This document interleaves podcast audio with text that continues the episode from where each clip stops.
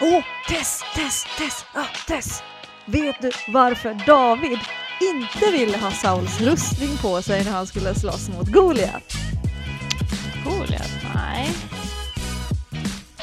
Han gillade inte heavy metal! Haha! Men Muff! Men, men, men, men, men på samma tema då. Vet du vad Mose sa när han tappade stentavlorna på fötterna? Nej. Vad sa han då? Det här var hårda bud! Varmt välkomna till Kristna Datingpodden!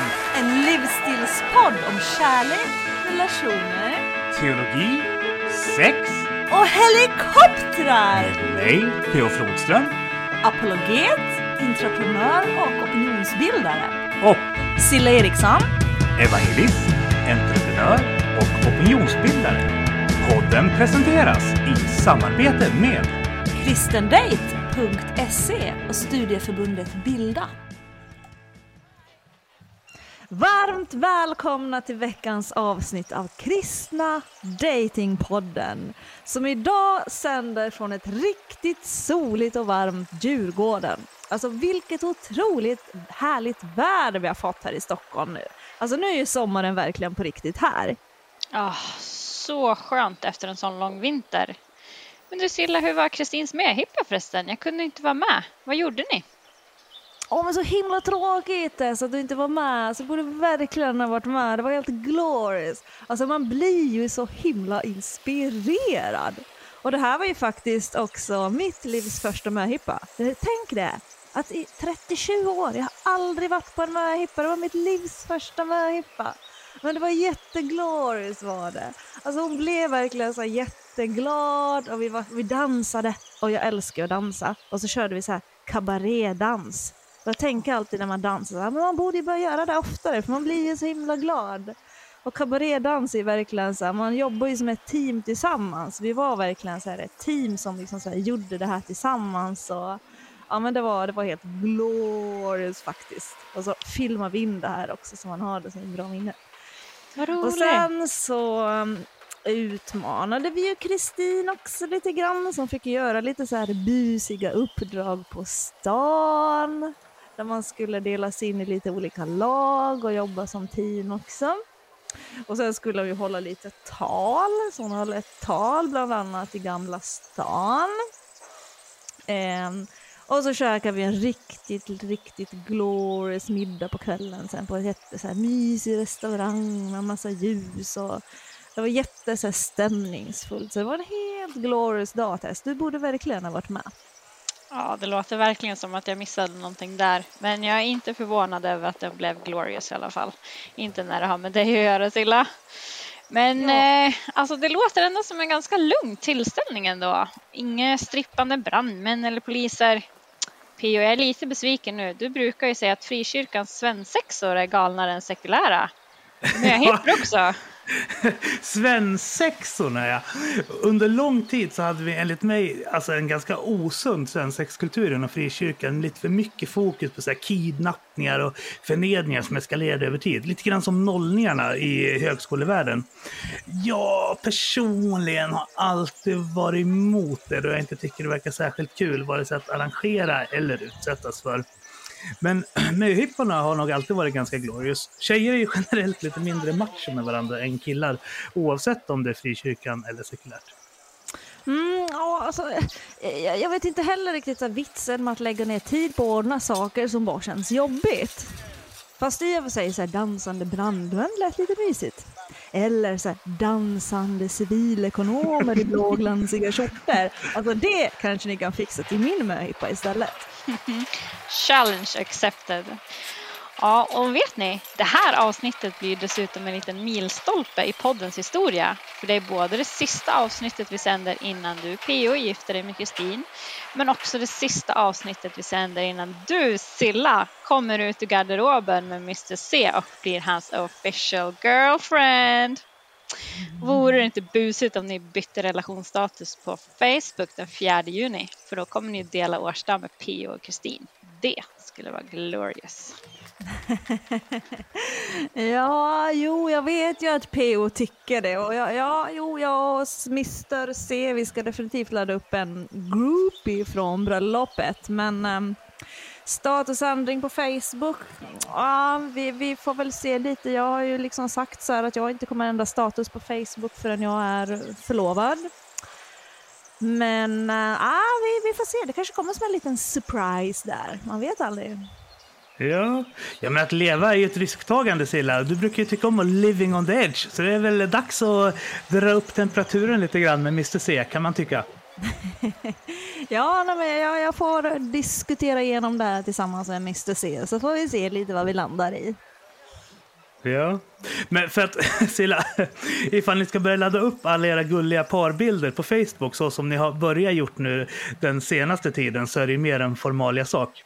Men jag har uppskattat den här tiden som varit. Jag kan ju berätta för Therese att innan de började bli lite mer officiella så skickade Chris eh, C, eh, Mr C alla gulliga parbilder till mig istället på Messenger. Så att hela vår chatt består enbart av bilder på Silla ur gulliga vinklar.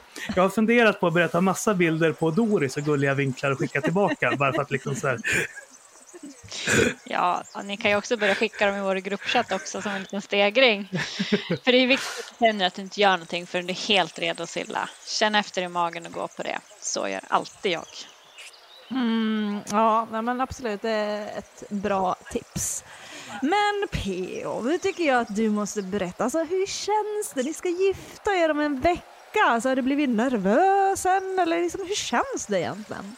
Ja, det är väl inget att vara nervös över. Jag ser mest fram emot det. Det ska bli trevligt att träffa alla vänner och gifta sig med Kristin och äta arabisk buffé och sådär. Så jag vet inte, alla frågar mig ifall jag är nervös, men jag kan inte riktigt relatera till frågan. alltså P, om jag vore i dina kläder skulle jag vara sjukt nervös. Det vet jag. fast, fast det är ju du och Jennifer som tillsammans med Alexander och Ulrika ska rodda allting under själva bröllopet. Allt jag och Kristin ansvarar för kommer vi redan ha gjort innan själva dagen. Sen är det ju liksom väldigt traditionellt frikyrkobröllop till skillnad från ditt och Mr Cs där så mycket kan gå fel. Eh, vad, vad, vad menar du nu Pio? Ja, men alltså, det kan ju bli snöstorm uppe på alptoppen, ni kan bryta benen när ni ska åka off-pist för berget, sen helikoptern kan krascha om det blir snöstorm. Men P.O. din mupp. Alltså man åker ju inte upp på en fjälltopp om det är snöstorm. Well, man vet aldrig med fjällväder. Vädret där uppe kan ju skifta väldigt fort så som jag har förstått det i alla fall. Um, jo, alltså det är sant. Men alltså blir det snöoväder så brukar man nog kunna se det på prognosen, i alla fall de kommande timmarna. Men okej, okay, du är alltså inte nervös. Alltså, jag är nervös. Jag har ju aldrig, alltså du vet, jag har aldrig varit på ett kristet bröllop. Alltså jag har definitivt inte varit värd på något bröllop kan jag säga. Nej, samma här. Frikyrkobröllop blir en helt ny upplevelse. Ni två får köra liksom extra allt på en gång. Det blir väl glorious? ja, det kommer bli jätteglorious. Det kommer det verkligen bli. Jag ser jättemycket fram emot det. Och jag, jag, jag ska göra ett poddavsnitt också från bröllopet där jag och Tess ska gå runt och intervjua alla gäster. ja, gör det det. Du kan låna min eh, Zoom 6 eller så kör du din Bumbis-kamera så kan jag bara konvertera det till ljudfil sedan när du har klippt allting. Sure, så länge du förstår att jag inte kommer ställa sexfrågor till gästerna på ett frikyrkobröllop. Ja men test tråk Måns! Ja, vi kanske kan ställa några sexiga frågor till P.O.s kompisar. De har inte lika mycket integritet som Kristins kompisar. Okej, okay, fair enough. det ska bli kul att lyssna på oavsett. Mm. Men hörni, en eh, viktigare fråga än det här med sex. Eh, vadå Tess? Finns väl ingenting som är viktigare än sex? Förutom möjligtvis Gud? Johoho, för bröllopsgäster som oss så gör det. Nämligen kläder. Alltså seriöst PO, vad betyder ens temat globala syd? Ja, alltså det är också något jag funderar på faktiskt. Jag har ju funderat ap mycket på vad jag ska ha på mig. Alltså det är så himla svårt. Alltså jag måste nog typ så här rådfråga Elise, alltså hon kan ju det här med färgglada kläder. Ja, ja, men hon har ju väldigt bra smak. Så det ska verkligen bli spännande att se hur hon kommer se ut som brudtärna. Alltså hon kommer bli en fantastisk brudtärna. Alltså, jag tror verkligen att hon tycker att det är så superkul alltså att hon fick frågan också att vara det. Ja, hon verkar lite nervös dock. Men du får åka med henne så hon håller sig lugn. well, jag vet i och för sig inte hur mycket lugnare jag själv är. Men ja, dessutom så ska jag träffa de andra värdarna på fredagen och Elise är ju ute på Malmökillansgatan då. Ja, ja, ja, okej. Ja, men då får Samuel och Olivia kanske hämta upp henne istället. Men Samuel är väldigt lugn, blå och trygg, så han kanske kan ha en lugnande effekt på henne.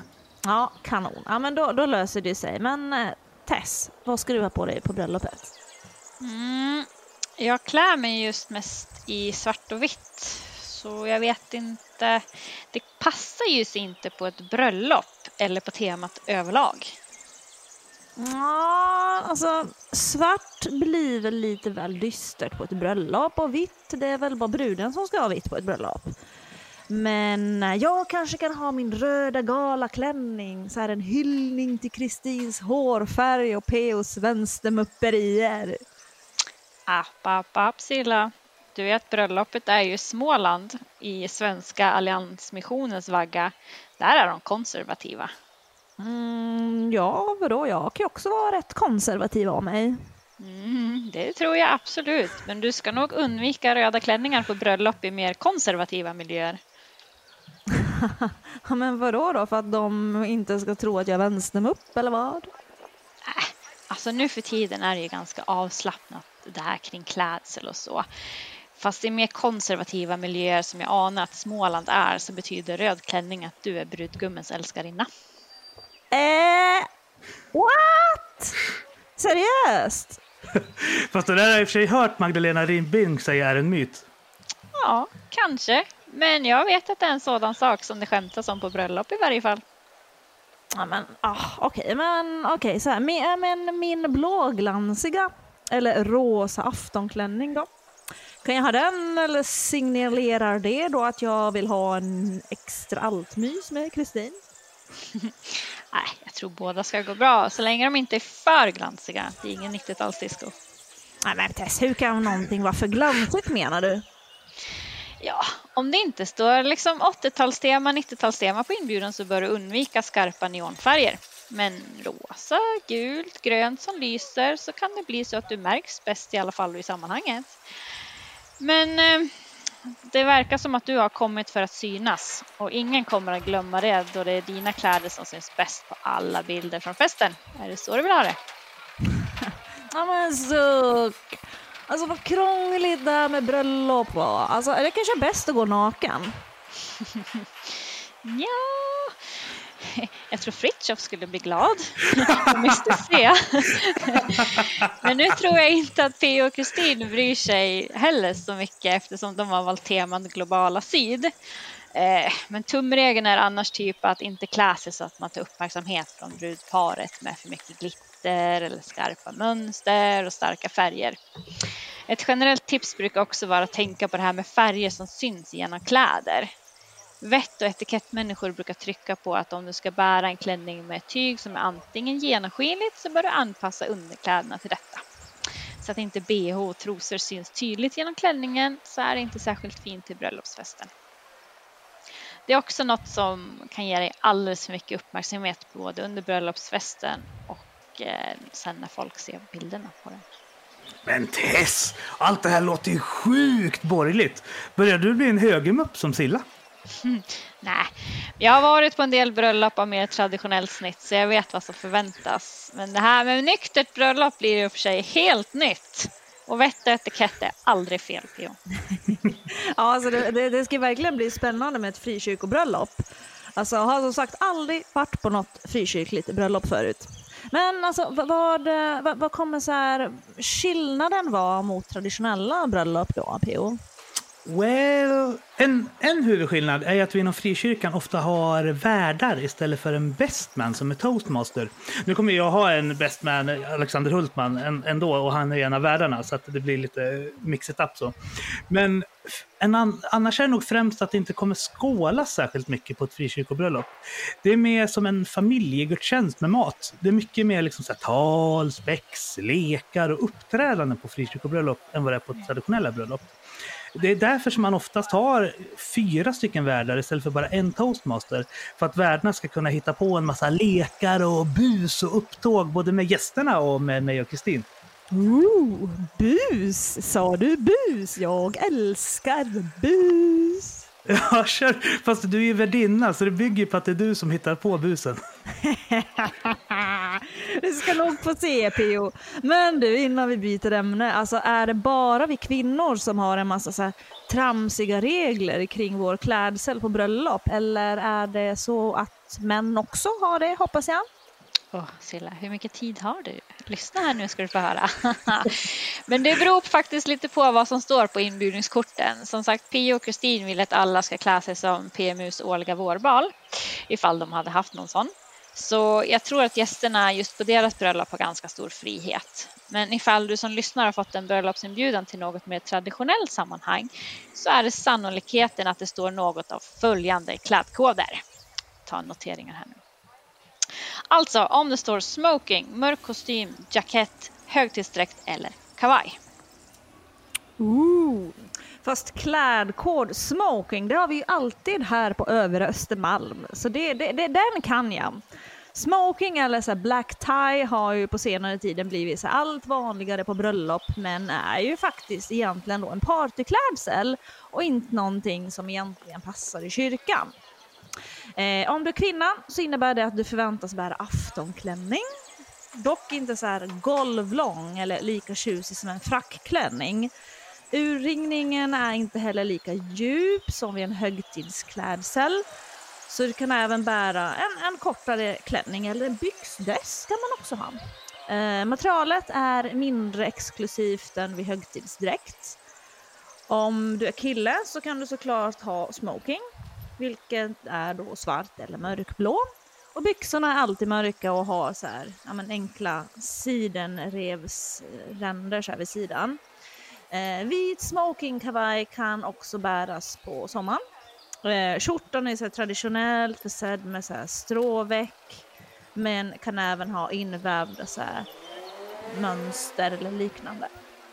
Och förr använde man också väst men nu är det vanligare med gördel så bär, svart fluga eller lackskor till. Gör det! Det är sånt som killar har för att hålla in magen. Men sen har vi ju klädkod mörk kostym också, som förmodligen är den klädkod som är lättast att förhålla sig till. Med mörk kostym signalerar man en formell och högtidlig tillställning där brudparet förväntar sig att alla kommer uppklädda. Som kvinna kan du ha en festlig klänning eller kjol med topp. Klädseln bör dock inte vara golvlång medan ni killar kan ha en kostym som är marinblå, mörkgrå eller svart. Vit skjorta samt slips eller fluga i valfri färg, utom svart eller vit, men gärna mönstrad. Yay! Vad ska du på ett riktigt så formellt överklassbröllop, då är det så här högtidsdräkt eller jacket som gäller. Så står det så här högtidsdräkt i inbjudan så ska hon ha folkdräkt eller frackklänning. Eh, och frackklänningen kallas även balklänning, det vill säga en fotsidklänning med urringning. Eh, och sen väska, smycken och skor kan också bäras till, liksom handskar också faktiskt. Eh, Medan han då förväntas bära antingen frack, militär övertidsdräkt, militär högtidsdräkt eller folkdräkt. Eh, till fracken så bär han en vit näsduk, hängslen, frackskjorta, vit fluga och lackskor. Men usch! Snusk! Det låter ju som rena Lidingö-kollot. Vad är det för fel på en vanlig hederlig knegarkavaj? Alltså, även kavaj är en officiell klädkod, oftast den som är klurigast att klä sig till för den är inte lika styrd som de andra fyra. Mycket svårare för gästen att veta vad som är för uppklätt eller för enkelt om det bara står klädkod på kavaj. Jo, fast det, det, är ju den enklaste av klädkoderna. Framförallt har du som tjej mycket mera manövreringsutrymme att välja mellan fritt så här, klänning, kjol eller byxdress som är lite elegantare då än vanlig vardagsklädsel. Eh, och det här alternativet är inte lika uppklätt som vit klädkod, mörk kostym. Eh, kjolen eller klänningen ska inte vara golvlång. Eh, klädkod kavaj är typ det jag har på mina affärsmöten i Stockholms innerstad. Ofta. Eh, killarna brukar ha hel kostym, gärna ljusa färger. Eh, och till klädseln passar en ljus skjorta samt slips eller fluga. Mm. Alltså min favorit är ändå den sista. Klädkod jacket tror att det är min motsvarighet till blåglansiga skjortosilla. För då ska alla klä sig som engelska romantiska draman som sunt förnuft och... Nej, vad heter den? Ah, förnuft och känsla. Mm, eller Bridgerton. Oh, Bridgerton. Jack. Jacket, vad, vad är det? Jacket, det är en blandning av eh, bonjour, eh, alltså långkavaj, och frack. Det är ett ovanligt plagg i Sverige, men eh, det är desto, van, desto vanligare utomlands. Framförallt i anglosaxiska, vilken tungvrickare, anglosaxiska länder. Plagget bärs endast dagtid och är mer formell än kostym. Som kvinna passar det med en fin engelsk aftonklänning, dock inte golvlång eller lika tjusig som en frackklänning. Urringningen är inte lika djup som vid högtidsklädsel och väska, smycken och skor kan bäras till såklart. Då. Men det är framförallt killarna som är de riktiga läckerbitarna här. En jackett som används som högtidsdräkt från morgon till klockan tre på eftermiddagen. Jackettens jacka är svart eller grå och ser ungefär ut som en frack men är inte tvådelad bak till och skärningen är helskuren från fram till baksida. Under jackan bärs väst, randiga byxor och silvergrå slips passar bra till. Vanlig klädsel i Irland, mums. jo Tess, jag kan just tro att du tycker det. ja, fast det här samtalsämnet tråkar ut mig. Kommer inte Robban och Lars snart? Och vänta, va? Har ni bokat Mums-Lars idag? Han är ju världens gilf! ja, alltså vi fick ju lova honom att inte göra en silikonmanöver för då skulle han gå igen. Vänta här. Inte få köra en silikon 25 år senare på Lars? Det var ju genom det programmet jag fick upp ögonen för honom. Han är ju så härlig och folklig. Fast numera är han en 70-årig svensk missionsförbundare. Så jag tror nog tyvärr att vi får skippa det testet. Alltså Lars är Sveriges svar på Sean Connery. Och det här blev jag så förbaskat oerhört deppad av. Det är så... Nej, det här är så fasansfullt. Jag är en ensamstående, hårt arbetande småbarnsmor och allt jag ville var att få mumsa lite på Mums-Lars. Det här är helt helt oacceptabelt. Jag känner mig lika kränkt som när Fritjof fick reda på att Volvo hade sålts till Kina. Vet ni, jag går hellre och sorterar barnens lego i storleksordning och färgordning än att vara med på det här. Oh, tack och hej! ja, Okej, okay, ja, men gör det Tess. Så lyssnar vi på veckans låt medan Robban och Leijonborg gör sig redo. Och den här låten är då inskickad av Peos stora idol Mats Dernand. Och den här gången så börjar till och med jag förstå hans storhet.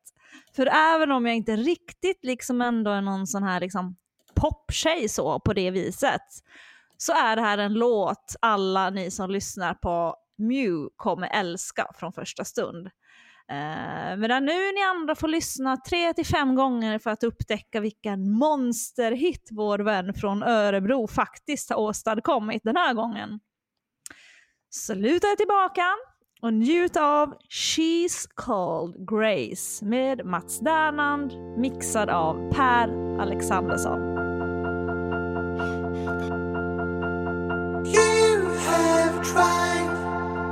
And all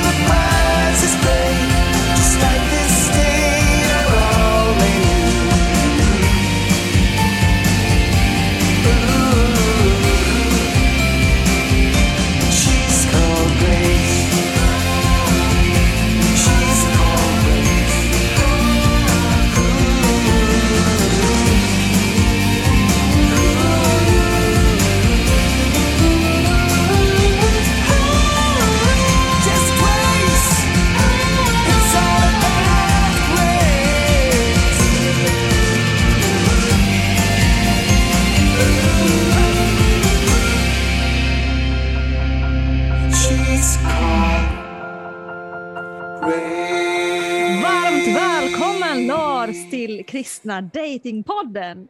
Alltså det är ju så här förstår du att P.O. han brukar ju alltid hävda att jag är folkpartist. Så det ska bli väldigt, väldigt spännande här idag att se vad det egentligen är som han anklagar mig för. Tack för det, det är jätteroligt att få vara med.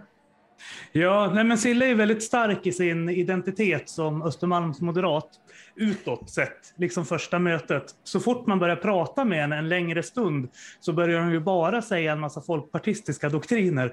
Så jag hävdar ju bestämt att hon gärna vill vara moderat, men är folkpartist i själ och hjärta. Och superkul att träffa dig igen Lars. Du var ju den eh, person som gjorde att jag fick min första sida i pressen. Så jag har ju mycket att tacka dig för ur den aspekten. Jag vet inte om du kände igen ja, du, du skickade det där klippet, det var ju roligt. Jag hade glömt bort det, men, men det var roligt. Ja. Du får berätta för läsarna, eller för lyssnarna, vad det var för någon första sida PO.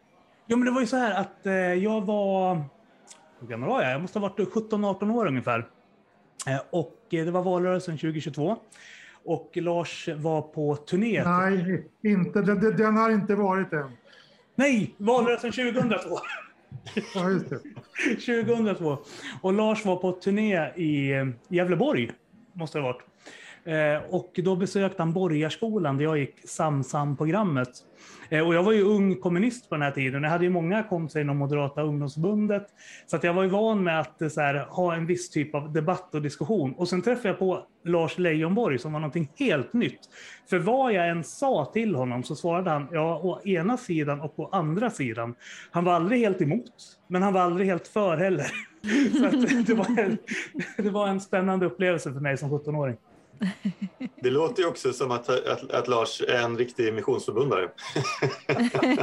det, ledde, det ledde i varje fall att Gävle Dagblad var det väl satte oss båda på första sidan. Och samtalet gav ändå något för båda. Ja, definitivt. Jag passar också på att hälsa dig välkommen här Lars och mm. säger även tack till att jag än en gång får vara med i de här eh, KDP special när vi har träffat eh, jag vet inte, ex-politiker är väl fel? För man, man slutar väl aldrig vara politiker, antar jag, Lars, eller? Ja, det kan man väl bestämma sig för. Jag har väl i någon mån gjort lite comeback eh, med både Nyamko Sabuni och Johan Persson har efterfrågat mina tjänster så att eh, jag är lite mer aktiv nu än jag har varit på många år faktiskt. Ja, spännande. Kanske en, en breaking news här i sändaren. Leijonborg gör comeback. I... Ja, den newsen var väl för någon halvår sedan faktiskt, när, på Nyamko Sabonis tid. Det, det stod i ett antal tidningar att hon hade bett mig hjälpa till. Ja, det skrev jag faktiskt när du säger det. På, så, att, eh, så kan det gå. Det var breaking news när du skrev det. ja, precis. Eh, och för er som inte vet vem jag är som lyssnar, som jag i och för sig hoppas att ni gör nu då, när jag har varit med ett par gånger. Men jag är ju chefredaktör för eh, tidningen Sändaren som ju är nära Equmeniakyrkan och där har ju vi en historisk koppling kan man säga med våra rörelser här Lars.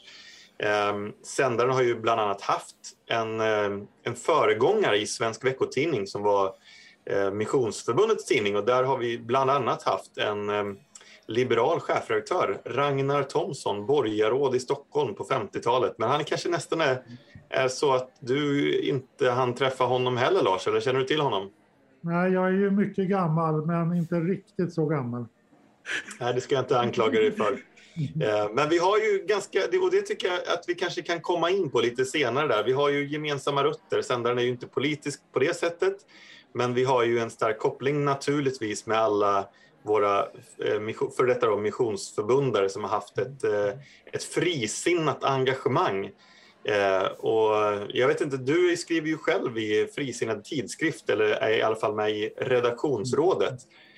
Och det där skulle jag gärna vilja att du utvecklar lite sen. Det kanske inte riktigt läge för det än riktigt här i programpunkten. Men just vad frisinnet är på väg just nu och vem som egentligen är frisinnad. Men vi kan väl komma tillbaka till det sen Lars. Mycket gärna. Men innan vi går över till veckans intervju så skulle jag i alla fall vilja leka Glory 7 med dig som är inspirerat av Sveriges Televisions program 30 minuter. Eh, och dina kollegor Alf Svensson och Gustav Fridolin så de lyckades ju faktiskt riktigt bra i den här nervkittlande leken får man väl säga. Så det ska bli väldigt, väldigt spännande att se Lars hur det går för dig. Och då är det så här förstår att leken går ut på att vi ställer dig 20 stycken snabba, till synes uh, omöjliga frågor. Eller frågor med två omöjliga svarsalternativ. Där du måste välja ett av alternativen. Okej, okay, jag är redo. Yes, okej, okay, here we go. Lars, vad skulle du ta om du tvingades välja mellan följande till morgonkaffet resten av ditt liv?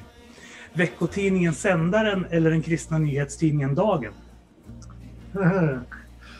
Ja, det är en mycket relevant fråga. Det, det, ja, just nu prenumererar jag inte på någon av dem faktiskt. Mediakontot är ju begränsat men jag följer båda och uppskattar båda. Jag är ju uppvuxen med Svensk veckotidning som nämndes här och eh, uppskattar sändaren. Men jag, frågan är om inte Dagen ändå har gjort en ännu större uppryckning och blivit en spännande tidning. Så att eh, jag är ju ekumenist, men jag är också ekumen, så jag tror jag säger Dagen faktiskt. Aj, där kan jag säga, där, där sades min prenumeration på Frisinnad tidskrift upp direkt.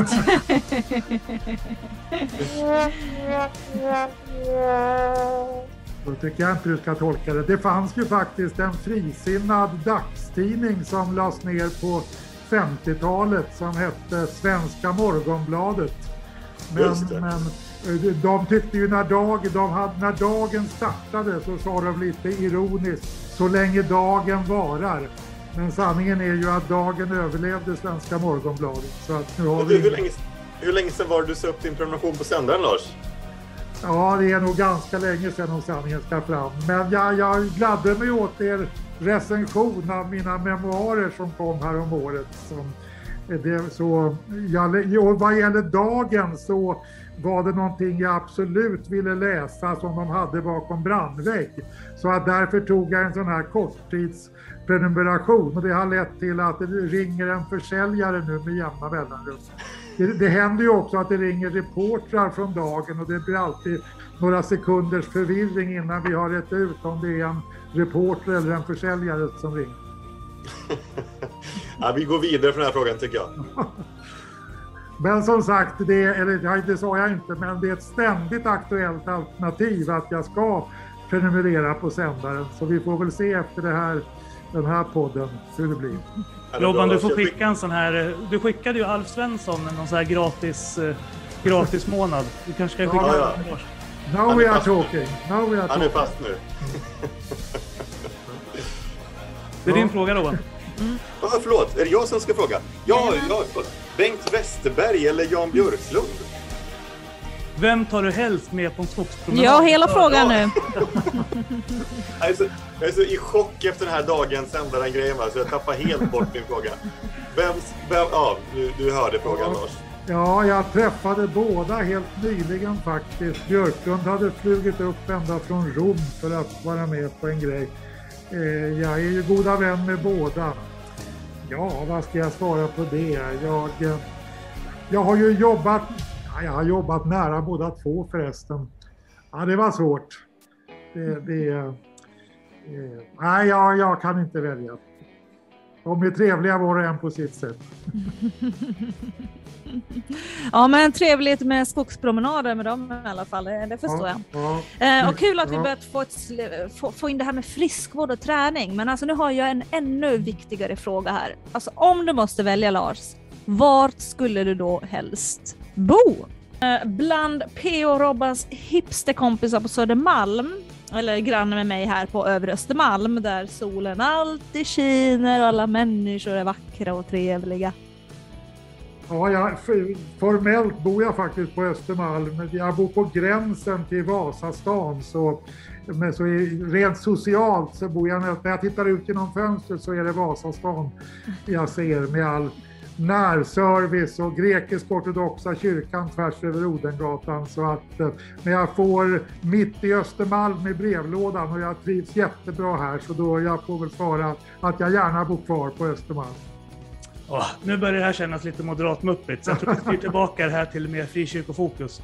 Eh, du har ju i likhet med Robban och mig en bakgrund inom Svenska Missionsförbundet. Så vem väljer du mellan om du måste välja mellan C.O. Rosenius och P.P. Waldenström?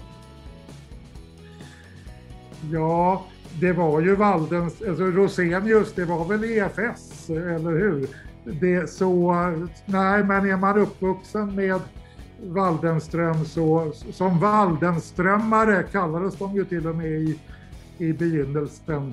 Jag var på Lidingö för ett tag sedan och, åkte, och då åker man ju förbi det som förr hette Ja, från början hette det Missionsskolan och sen hette det Teologiska seminariet men det har ju missions, eller Equmeniakyrkan har ju lämnat det där. Men jag såg faktiskt då att eh, P.P. Waldenströms byst fortfarande står kvar där eh, utanför så att jag måste vara lojal med P.P. Waldenström även om han apropå högerkrafter så han var ju en rätt konservativ riksdagsman om man ska vara ärlig. Men som teolog så var han bra. Det hade, det hade ju varit nästan ännu mer intressant med tanke på sändaren Dagen-frågan om du hade ställt frågan Waldenström Levi Petrus så att han hade fått bekänna färg här ordentligt Leijonborg. Men vi kör den som en bonus, Waldenström eller Levi Petrus? Ja, jag bodde granne med Levi Petrus på hans sista år innan han bodde i Solna. Det var ju en fantastisk andlig ledare som jag hörde ett par gånger också faktiskt. Så det, jag kan, P.P. Waldenström hörde jag ju aldrig. Han var ju död långt före min tid även om jag är gammal. Så det, det, nej, men PP, Levi Petrus är en extremt fascinerande person måste man ju säga. Är det så att eh, Lars Leijonborg kommer ut som pingstvän som blir nyheten här efter, efter dagen? Med pingstdrag, absolut. absolut. Vän till pingstvänner. Men du- Västkustrekumenian. Ja, exakt, exakt, exakt. Men du Lars, eh, du är uppvuxen inom Svenska Missionsförbundet. Jag vet inte om du går till någon ekumenia kyrka idag, men om du får välja då Igår, mellan... igår gjorde jag det. Idag, det här Ja. spelas ju in på en måndag, men, men igår, igår så var jag i Solna Missionskyrka som man sa förr. Nu heter det något annat. Ekumeniakyrkan Sundbyberg, Solna. Och vart känner du dig mest hemma då? I Ekumeniakyrkan eller i Missionsförbundet? Jag kan väl säga så här, ja, det var väl kanske nödvändigt att göra de här sammanslagningarna och i det skedet så var det ju något namn på gång och då tyckte jag som följde det här genom sändaren, tror jag mest, att det, det Ekumeniakyrkan var ett bättre namn än det man var inne på ett tag.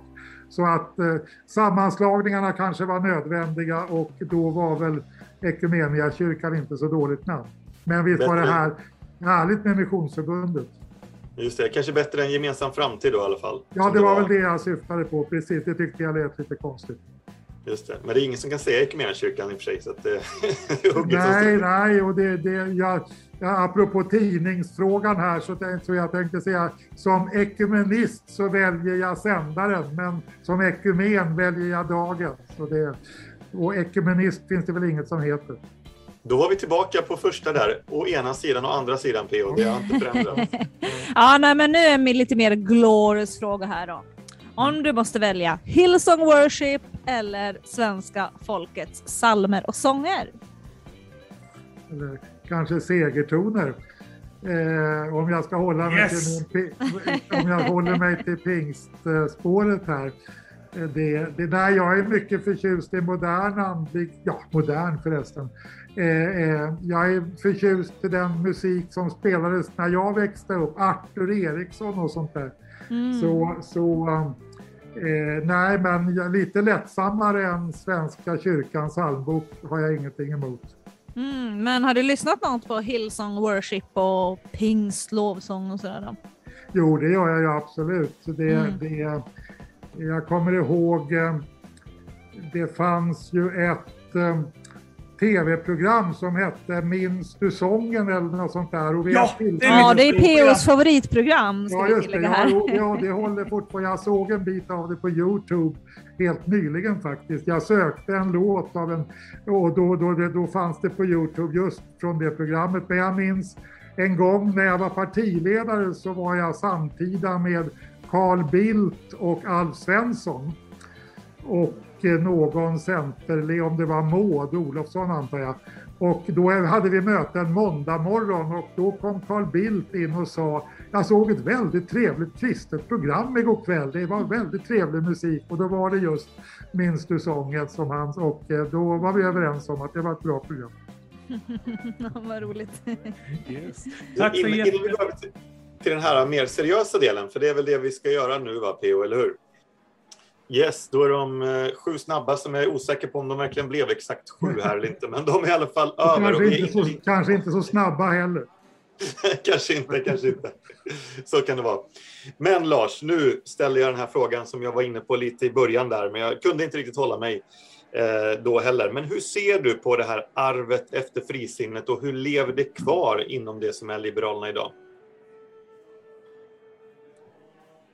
Ja, det är en jättespännande fråga som diskuteras ganska mycket just nu. Det är lite en renässans, om inte för frisinnet, så och, och, och i alla fall en diskussion om frisinnet. Ibland så säger vi ju att det där är en ren språkfråga, att eh, liberalism är frisinne på, på, på engelska så att säga, eller tvärtom. Frisinne är liberalism på svenska. Och den här uppdelningen som numera finns alltså att frisinne står för kristna liberaler eller i varje fall folkrörelseengagerade liberaler. Den kom ju egentligen i samband med partisprängningen eh, som var på 20-talet då, då de kristna och, och, och nykteristerna eh, gick till, ja de var i majoritet så de behöll partinamnet som ju då var frisinnade landsföreningen.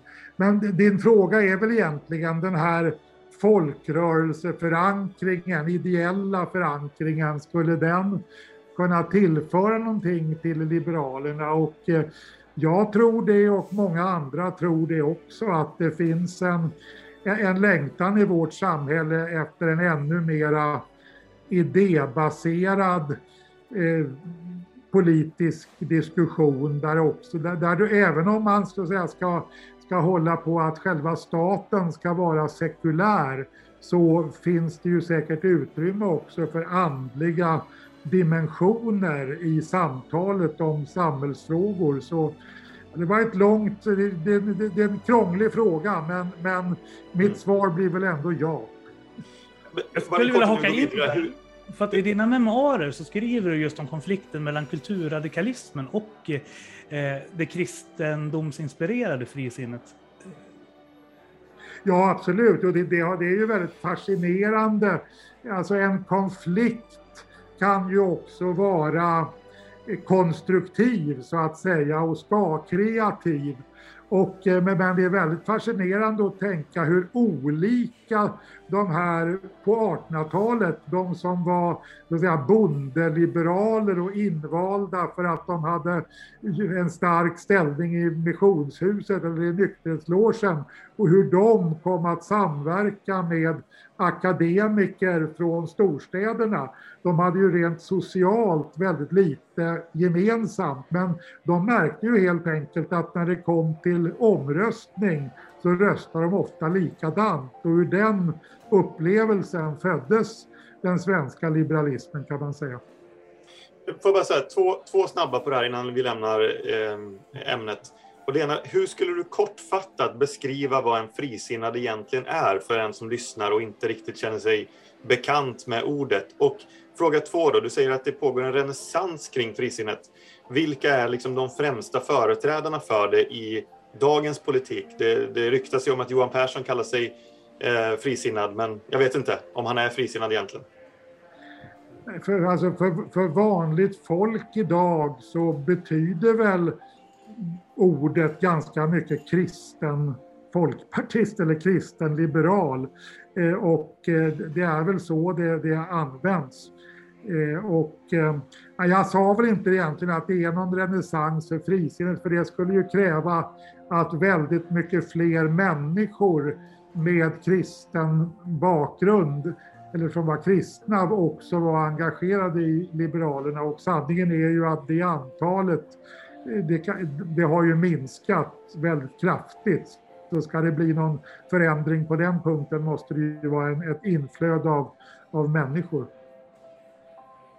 Jag skulle vilja haka på där igen för att i och med kristdemokratins nya, lite mer amerikaniserade tonalitet så finns det ju många frikyrkoväljare som känner sig lite hemlösa politiskt och som försöker hitta vart de ska ta vägen. Så Miljöpartiet, Liberalerna och Centerpartiet är ju liksom det som oftast ligger på bordet. Hur, har ni sett av något av det flödet inom Liberalerna som du känner till? Det vet jag inte så mycket om. Så nära knuten till partiet är jag inte. Men, men eh, det, ja, det är möjligt att det, du säger, ja, Ebba Busch har ju en tonalitet som förvånar en del. När vi kommer till hårda sakfrågor så, så är ju den kurs som eh, Nyamko Sabuni och Johan Persson har slagit in på, den är ju inte jättelångt från Kristdemokraterna. Eh, och man är ju väldigt Ja, det här är som spelas in en måndag och igår kväll var det, jag, jag var inte bara i kyrkan igår utan jag hörde också på en partiledardebatt i Agenda och där framhöll ju Ebba Busch i nära samhörighet med Ulf Kristersson men då bröt ju Johan Persson in och sa att vi ska samverka allihop så att Johan är ju mycket inställd på att samverka med Kristdemokraterna. Men, men i den mån det finns nyanser så och det gör det ju, så, så vore det ju spännande om fler frikyrkliga såg dem och valde Liberalerna. Hur är det inom Equmeniakyrkan Robban, du som liksom har örat till marken i den rörelsen? Men jag tror att, eh, att för, skulle gå tillbaka 20-30 år sedan så var det ju väldigt många för detta missionsförbundare som, som hade en stark koppling till Liberalerna och jag, jag hade ju faktiskt ett eh, hade en, en eh, föreläsning för Liberalerna i Allingsås. Jag bor ju i Allingsås, Lars, mm. för bara några veckor sedan och då så hade jag på en skara där av 20 starka liberaler så var det i alla fall sju som var prenumeranter på sändaren och det, det, bara det säger ju någonting om den kopplingen som finns på vissa bygder och i vissa områden. Jag tror att det är ganska stark koppling även uppåt landet om jag inte är helt fel ute. Då vet jag inte om det är kopplat till Missionsförbundet i och för sig, men Skellefteåbygden och så vidare. Eh, men ehm, det finns spår av den, men jag tror att det också finns en... Alltså Folkpartiet eh, girade ju lite ifrån det och kanske ville hitta nya väljare för ett 20-tal år sedan så som jag förstått det och då har man nog inte riktigt lyckats få tillbaka dem man en gång hade. Det här är en intressant fråga att ställa till Silla också. För jag tänker Silla, du var ju vänster precis som jag i din ungdom. Jag är ju fortfarande vänster mm. när du tog mm, storhoppet över till Moderaterna. Men när du skulle börja orientera dig där politiskt, hur förhöll du dig till frisinnet och den liberala rörelsen? Vad var det som gjorde att du hamnade i Moderaterna? Ja, det är en bra fråga. Det, alltså, jag har gjort en ganska lång resa. Det här var ju mellan att jag är 20 och 35, så det handlar egentligen om de senaste 15 åren. Och jag tror ju att det är en ålder där man omvärderar och man prövar väldigt mycket olika saker. Det hände ju väldigt mycket de åren, så det är ingenting som har skett sådär under en natt.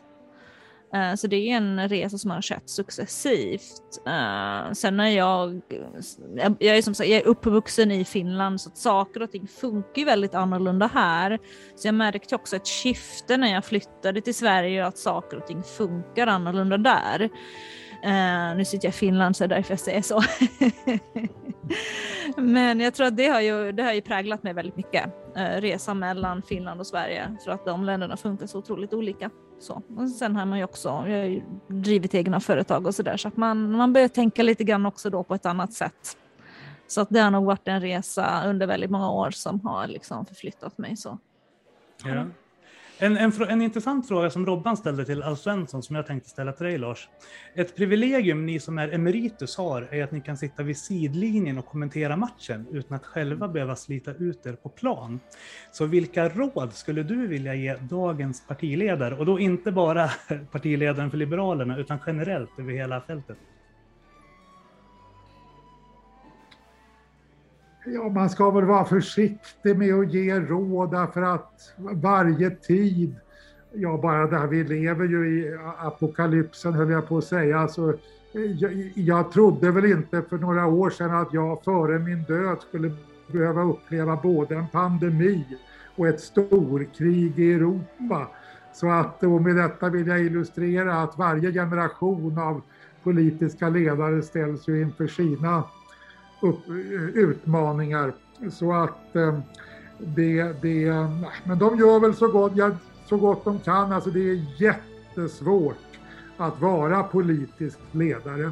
Så att det, det, det, det, det är inte helt fel att ta med ledarna i sina förböner därför att det, det är sådana otroliga krav som ställs på att vara politisk ledare. Och eh, vi har ju varit med om de äldre som ibland, de här råden som du säger, de kan ju bli ganska förnumstiga och kränkande som när Göran Persson pratade om Mona Sahlin och sa någonting om att det här med att tänka har aldrig varit hennes starka sida och, sånt där. Så att det blir lätt mästrande. Så att jag tror att jag passar lite på den frågan. Mm. Men Lars, din efterträdare Jan Björklund, han profilerade sig genom att bli den partiledaren som var mest prestigelös i tv-debatterna. Och mer än en gång så backade han också offentligt och medgav när, han, när ett beslut han hade medverkat till inte blev så bra som han faktiskt hade hoppats. Eh, kan du känna så att det finns några frågor där du tidigare haft väldigt starka övertygelser som du har så här, ja, men omvärderat nu när du har blivit äldre? Och apropå Jan Björklund, han var ju gammal officer och då kan jag väl, jag begärde ju vapenfri tjänst och gjorde vapenfri tjänst när jag var ung. Och det hade jag väl inte gjort idag efter, ja, jag ändrade väl mig för ganska länge sedan i själva verket. Eh, så att det är väl en, en, ett område där jag som människa, jag vet ju väl hur jag tänkte och kan så att säga repetera dem argumenten. Men tankegången då var ju att det skulle gå att domptera ondskan i världen med andra mm. metoder. Men, men tyvärr så alla hemskheter man måste läsa och titta på gör väl att jag, jag har blivit mer optimistisk om möjligheten att besegra ondskan med, med andra metoder. Mm. Mm. Ja. Men det eh. finns säkert ett och annat politiskt beslut också, men, men inte så jättemånga faktiskt. Jag är otroligt stolt över det mesta som jag har varit med om. Så att, eh, Det, det, och, och där man var aktiv politiker, då är den där frågan är väldigt förrädisk för att den, den inbjuder Det är möjligt att Björklund, jag minns inte riktigt, eh, klarade av det, men väldigt ofta får man ju mycket eh, kritik och får betala ett rätt högt pris för att man erkänner misstag.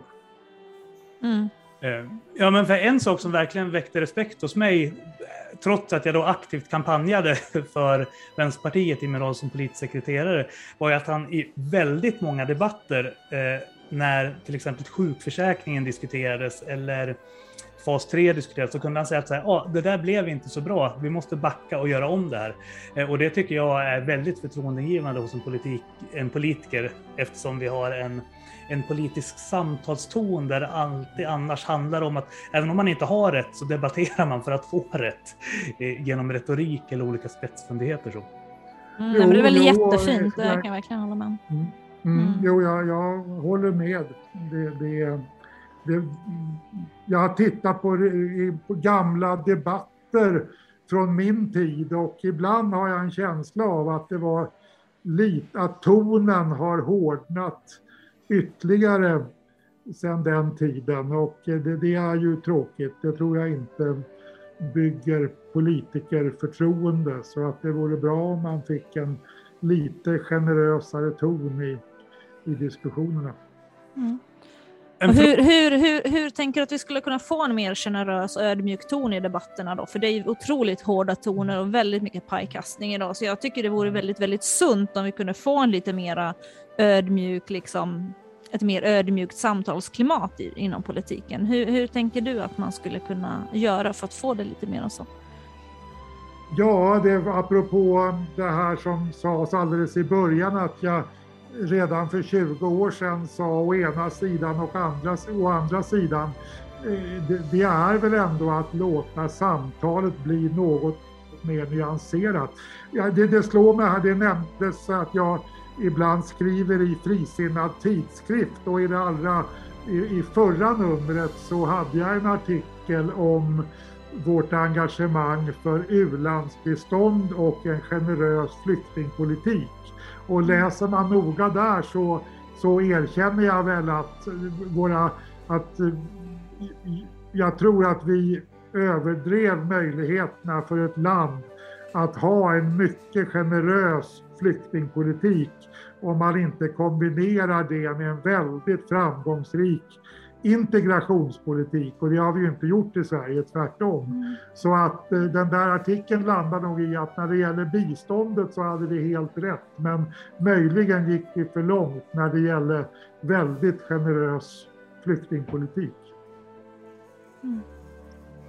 Jag tänkte ja, och det, och, och det var kanske svar på förra frågan i själva verket, men svaret på det är väl då att erkänna å ena sidan Eh, så har vi, det, det är ju också ett djupt känt kristet budskap att här är inte jude eller grek utan alla är ett i Kristus och både gul och blå i svart gör detsamma har han sagt eller hur det nu står i, i söndagsskolsången. Eh, så, så eh, är det väl så att i praktiken så så skapas det väldigt stora ja, utmaningar, för att använda ett finare ord än problem, om under väldigt kort tid väldigt många med en annan kulturell bakgrund ska integreras. Och det har vi väl fått er, erfara ganska tydligt i Sverige. Jag hoppar in för jag har ju nämligen en fråga på, på det temat då som du egentligen nu har svarat på kring, kring hur du tänker idag på på hur du agerade i de här frågorna då. Eh, det fanns ju liksom en tendens att du tog fighten både högerut men också liksom med den här eh, folkpartistiska snällismen och det har du väl egentligen svarat på den frågan. Men, men om du skulle om du fick vara med, nu hörde vi ju också att Johan Persson har frågat efter din åsikt här, så att eh, om du nu får genomslag, vad skulle du säga till honom då hur man ska forma framtidens migrationspolitik för att man ska kunna vända den här utmaningen och skapa liksom en hållbar eh, migrationspolitik i framtiden? Ja, då är, jag antar då 2002 när vi, pratade i och kom i Gävle Dagblad så hade jag väl precis gjort det här dubbelgreppet som du är eh, inne på. Å ena sidan hade jag tagit debatt med Sverigedemokraterna och med den här eh, Pia Kjaersgaard som hon hette i Danmark, ledaren för Dansk Folkeparti, om en, om en liberal migrationspolitik. Å andra sidan, som du säger, hade jag ja, det du kallar för att attackera snällismen, alltså jag hade ju föreslagit eh, språkkrav för medborgarskap. Och, som, och eh, jag tror ju att den kombinationen är gångbar alltså, men det, det, de förutsätter verkligen varandra. Och eh, ska man ta in väldigt många människor utifrån då måste man se till dels att de snabbt kommer i arbete och det är inte helt lätt om de kommer från länder med en helt annan utbildningsnivå. Och dels måste man se till att de lär sig någorlunda, inte perfekt på något sätt, men ändå kan göra sig förstådda på, på vårt lands språk. Och för det tredje måste man erkänna de här kulturella Eh, skillnaderna. Ja, nu har vi koranbränningarna.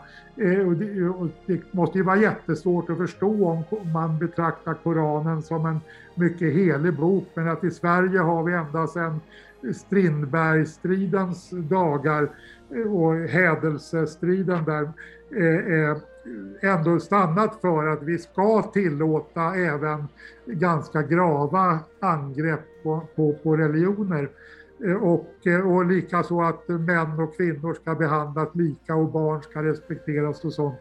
Så att ah, de här tre grejerna, stor tillgång till jobb, snabba insatser för språkkunskaper och större insatser för att ändå säkra att man känner till vilken, vilka kulturella minimikrav. Det fanns en baptistpastor som hette Joel Sörensson som var riksdagsman för Folkpartiet när jag kom med och han talade om ett etiskt minimum som, och det, som krävs för att ett land ska hålla samman. Och detta etiska minimum måste vi påminna om och upprätthålla. Mm. Mm. Du, nu när du ändå är inne på, du nämnde det här med koranbränningar och hur du vill se det offentliga rummets eh, gemensamma överenskommelser. Eh, och under förra valrörelsen eh, så hade jag en debatt med dina kollegor Fredrik Malm och eh, Monica Lundin för, kring en het fråga för oss inom frikyrkan. För Fredrik menade nämligen att Liberalerna alltid kämpade för ett sekulärt samhälle Eh, och då opponerade jag mig och frågade ifall han inte slant med tungan och att det han egentligen menade var en sekulär stat som förutsättning för ett pluralistiskt samhälle. Men han stod på sig då och menade att både staten och samhället skulle vara sekulärt och att religion skulle vara en privatsak. Så jag tänkte kolla lite, hur tänker du kring, kring den frågan? För jag har jättesvårt att tänka mig att du vill se ett sekulärt samhälle, även ifall jag hoppas och tror att du vill se en sekulär stat. Mm. Det, det, han är min goda vän. Jag har faktiskt pratat i telefon med honom bara för någon timme sedan. Men, men eh, du, jag håller naturligtvis med dig. Jag skriver om det här i min bok. I min, när jag växte upp, då, när mamma och pappa pratade om utvecklingen, då var ju sekulariseringen någonting som gjorde dem djupt bekymrade, alltså avkristningen. Att att Sverige blev mindre och mindre präglat av, av, kristen, av kristendomen, kristen tro. Men sen när jag skulle skriva min uppsats i statskunskap skulle den handla om Bangladesh författning. Och Bangladesh har ju uppstått efter Indiens delning efter fruktansvärda pogromer mellan Eh, muslimer och hinduer och för den statsbildningen var det otroligt viktigt att redan i grundlagen slå fast statens sekulära karaktär. Och faktiskt, då var jag väl kanske 20 år och för första gången i livet så, så såg jag ordet sekulär i, i en positiv omgivning. Och, och, och, det, och numera är jag naturligtvis på den linje som du. Jag är i hög grad förespråkare att staten ska vara sekulär. Jag var drivande för avskaffande av statskyrkan och jag tycker det är jätteviktigt nu när vi talar om religiösa friskolor att undervisningen i, i, i skolor där man ska fullgöra sin skolplikt måste vara icke-konfessionell. Eh, så att, eh, men, men naturligtvis så ska andliga strömningar finnas i, det, i vårt samhälle och välkomnas.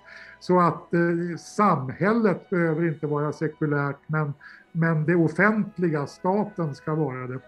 Så där håller jag med dig. Ja.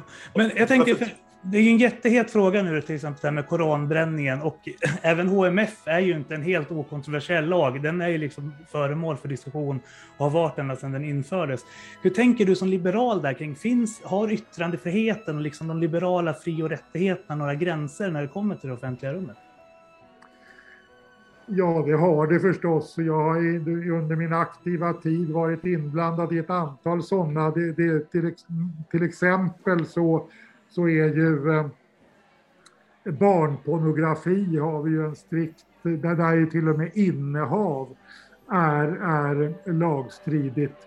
Så, och det, det, kommer väl alltid att finnas debatt om gränser. Men ja, den här Joel Sörensson för övrigt, han var, var drivande när eh, nöjesförbudet, det var ju så även när jag var ung, så, så av respekt för de kristna så rådde ju nöjesförbud på juldagen och långfredagen och påskdagen och kanske ytterligare någon helgdag. Men, men det menade Joel Sörensson, nu i ett mera pluralistiskt samhälle kan inte de kristna kräva en sån favör så han var för ett avskaffande.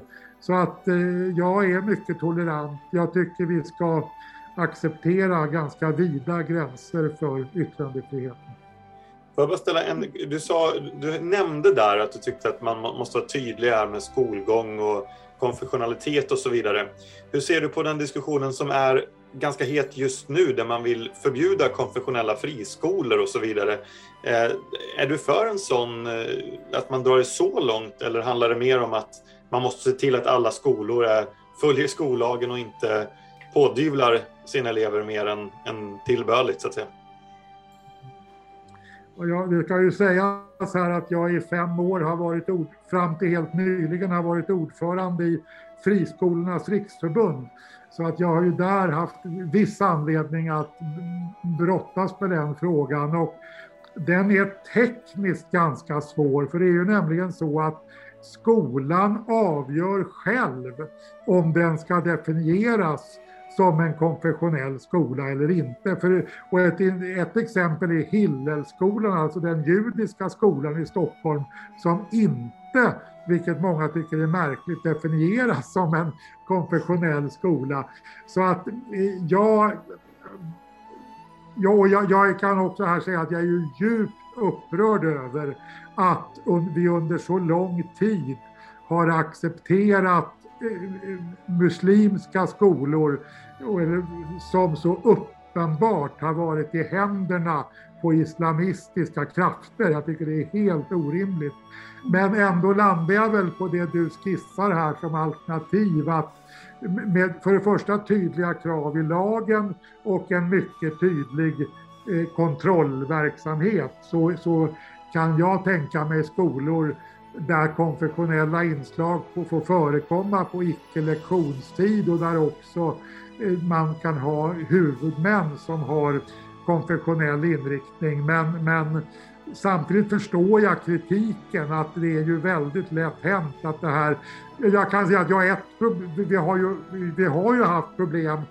Det talades ju mycket om Livets Ords skola i, i Uppsala men där hittar man ju aldrig några regelbrott. Men, men Plymouthbröderna skola har ju varit mycket ifrågasatt och det, det är klart att det är inte lätt att avgöra var, om man verkligen lever upp till lagens krav. Mm. Yes. Robban, har du någon följdfråga där?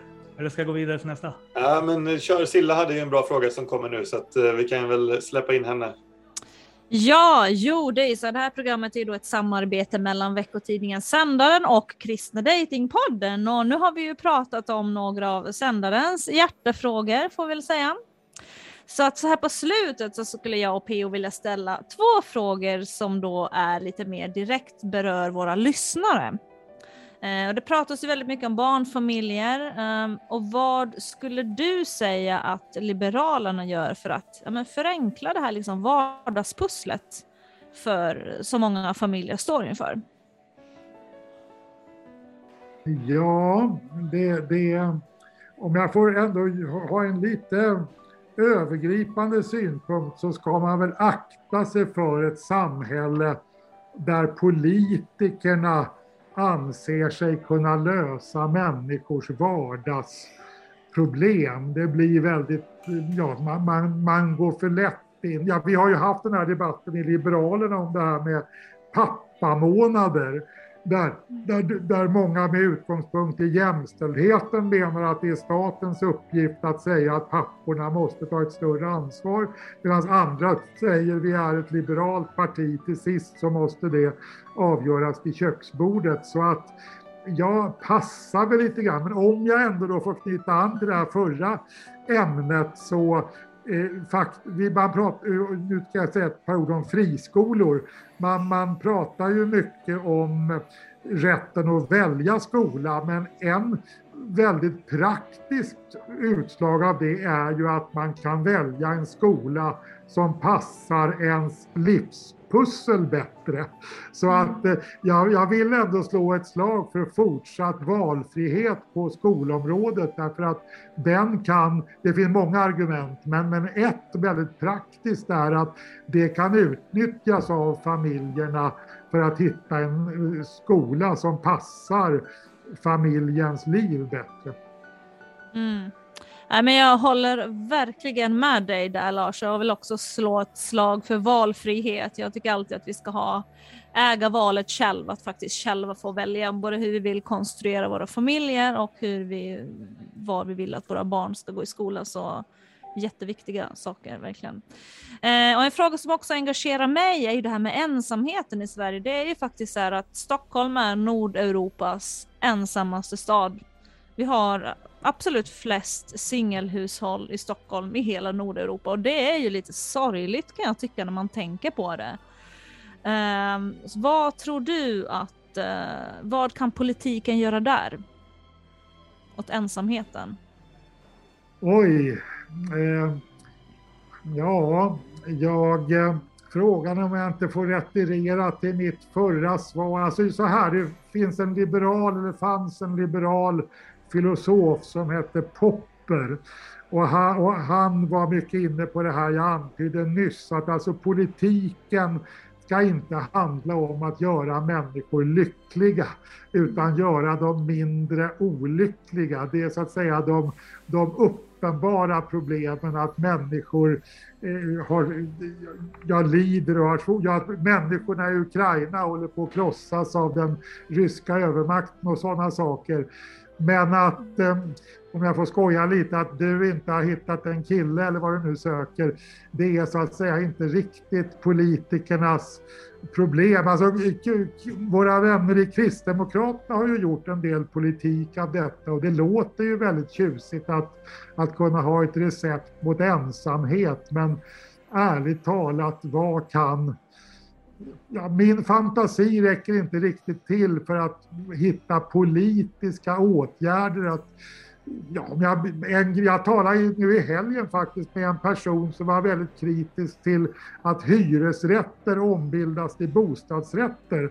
Då minns jag det att ett av våra motiv för att driva det för ett antal år sedan det var just att vi upplevde att bostadsrättsföreningarna så att säga också blev gemensamhetsskapande. Nu har det ju tyvärr kommit in så mycket pengar i, i, i den här bostadsbranschen så det är kanske mest ekonomiska motiv som styr människors men det är klart man kanske kan hitta den typen av åtgärder men i stort sett så tycker jag människorna får lösa sina relationsproblem utan politisk inblandning. Ja, nej, jag, jag, jag, kan förstå hur du menar, men jag, jag, jag, kan tänka så här att ja, men genom politiken så kan man ändå skapa mera plattformar att mötas på. Att bevilja mera pengar till sådana projekt som faktiskt är utåtriktade och som syftar mm. till att föra människor samman på olika sätt. Tinder, statsanslag till Tinder. Eller ett statligt, statligt Tinder. Silla vill ju göra after work avdragsgillt. Så att ja, precis. ja, extra allt Demokraterna, det står på vårt partiprogram. Mm. Men, ja, en, ensamhet behöver inte alltid heller bara vara att hitta en partner, tänker jag, eller? Nej. Alltså, nej civilsamhället. Det är sant. Och det är klart, det vi har varit lite inne på, så att säga, ett samhälle med ett levande föreningsliv eller ett levande socialt liv. Det är naturligtvis väldigt, och det är ju möjligt att sånt här som, det är väl så att samhällsplanering, hur man bygger städer, hur man bygger kollektivtrafik och sånt, Eh, kan påverka det här. Så det är absolut en, en frågeställning som bör hållas levande. Men om politikerna lovar för mycket så, så tror jag vi hamnar lite väl nära pekpinne där statens långa arm så att säga, griper in lite för mycket i våra, våra liv. Det här med pappamånad är ju ett väldigt tydligt exempel där vissa politiker vill lägga sig i familjernas liv ganska mycket och medan en del blir väldigt provocerade av det.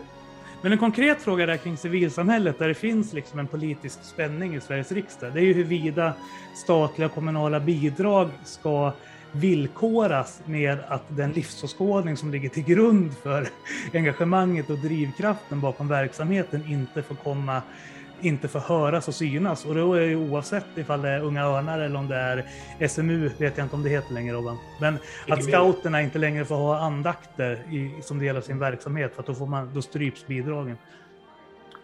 Ja, nej, där finns, ja, alltså, vi talar om staten och det fria organisationslivet. Men vi alla vet ju att vi har så höga skatter i Sverige så att i vårt land så är det fria organisationslivet också statligt, nämligen att det, det, det lever på statliga bidrag.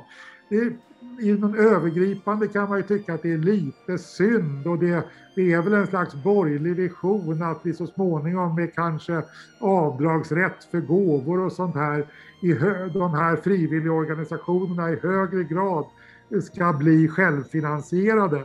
Men där är vi ju inte. Och då är det du, jag tycker det är jätteviktigt det du är inne på att om staten eh, kräver av de fria att de ska anpassa sig till statens Ja, då är det hela den här diskussionen vi hade, med, som du och jag hade, om det är staten eller samhället som ska vara sekulärt om staten bestämmer att ja, men nu ska alla vara sekulära, ja men då har vi ju inga eh, kristna samfund i så fall. Så att, eh, ska vi ha det här systemet, då måste staten visa betydande eh, generositet. Och jag, nu kanske jag pratar lite mot mig själv för att jag är också, jag pratade ju nyss om det här med att våra invandrade vänner måste inse att om en deras döttrar vill dejta svenska killar så får de inte eh, knuffa dem från balkongen för det så att säga. Så att eh, visst måste man, ja det är Joel Sörensons samhällsetiska minimum.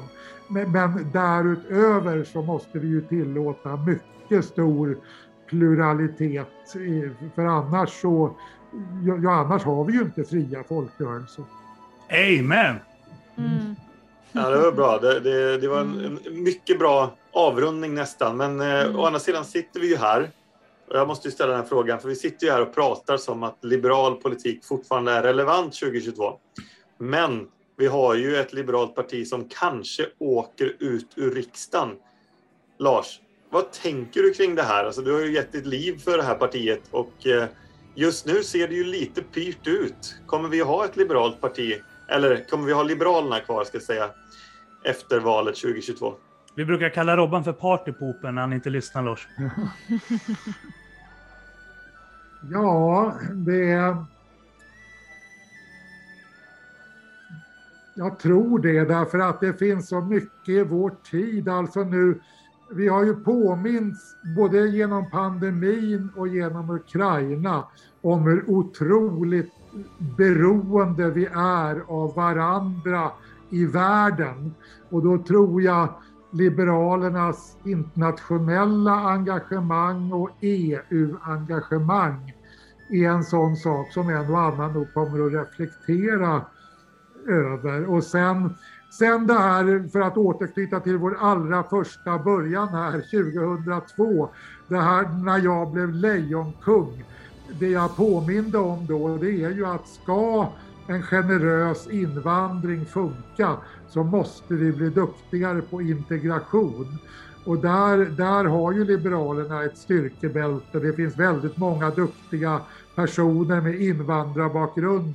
Nu fick inte Nyamko, eller fortsatte inte Nyamko som partiledare, men det finns väldigt många andra i riksdagsgruppen och i partiet som på sin egen hud har upplevt det här att, att vara ny, ny i Sverige.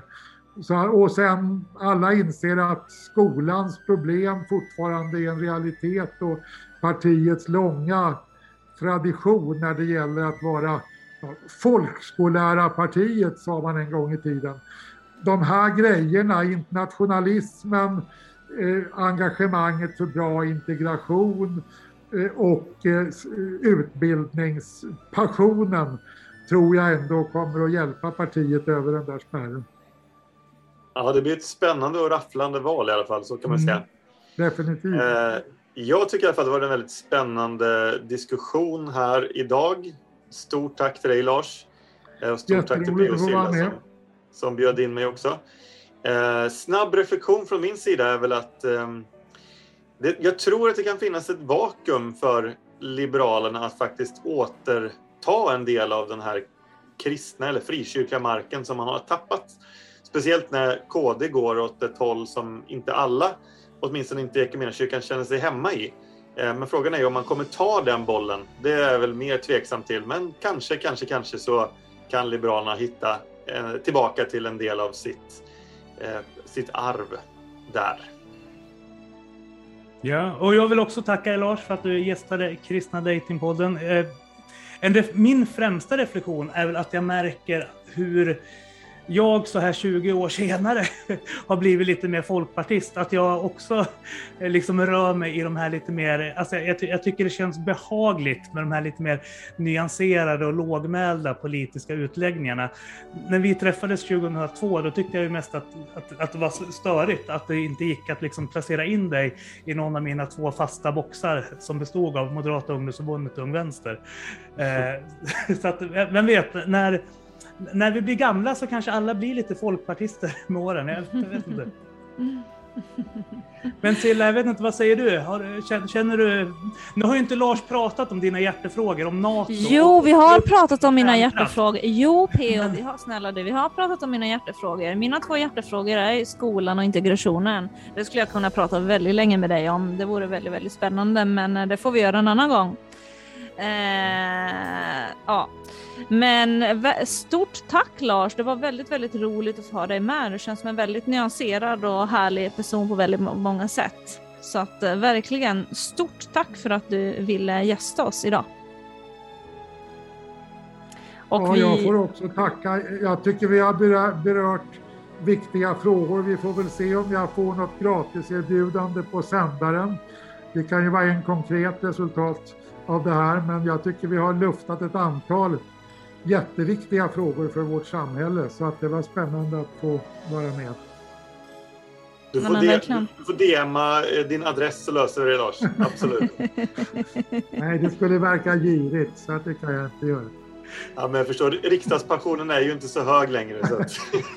Nej, som sagt, eh, mediakontot är ju inte obegränsat. Det är så mycket betalkanaler och papperstidningar och digitala tidningar man ska ha. Så att det... Så men som sagt, jag följer både sändaren och dagen på distans. Så att... Ja, det är bra Lars. Robban, ska du inte, du, du rekryterade ju Gustaf Fridolin där som gästkrönikör sist i förra programmet. Ska du inte lägga ut en krok på Larsson också när du ändå har den? Ja, absolut, absolut. Det tycker jag vi ska diskutera vidare om, Lars. Får skynda dig ja. innan dagen hinner före. Ja, det. det kan vi absolut prata om. Ja, men vad bra. Ja, men verkligen, stort tack Ja. Lars. Och vi avslutar som vi Hej då. brukar. Hej då. Theo, med önska alla våra lyssnare en stor puss och kram! Stort tack för att du har lyssnat på Kristna Datingpodden. En livsstilspodd i samarbete med kristendate.se och studieförbundet Bilda. Mig, Silla Eriksson och Med mig, Theo Flodström. följ oss på kristendate.podbean.com och Spotify.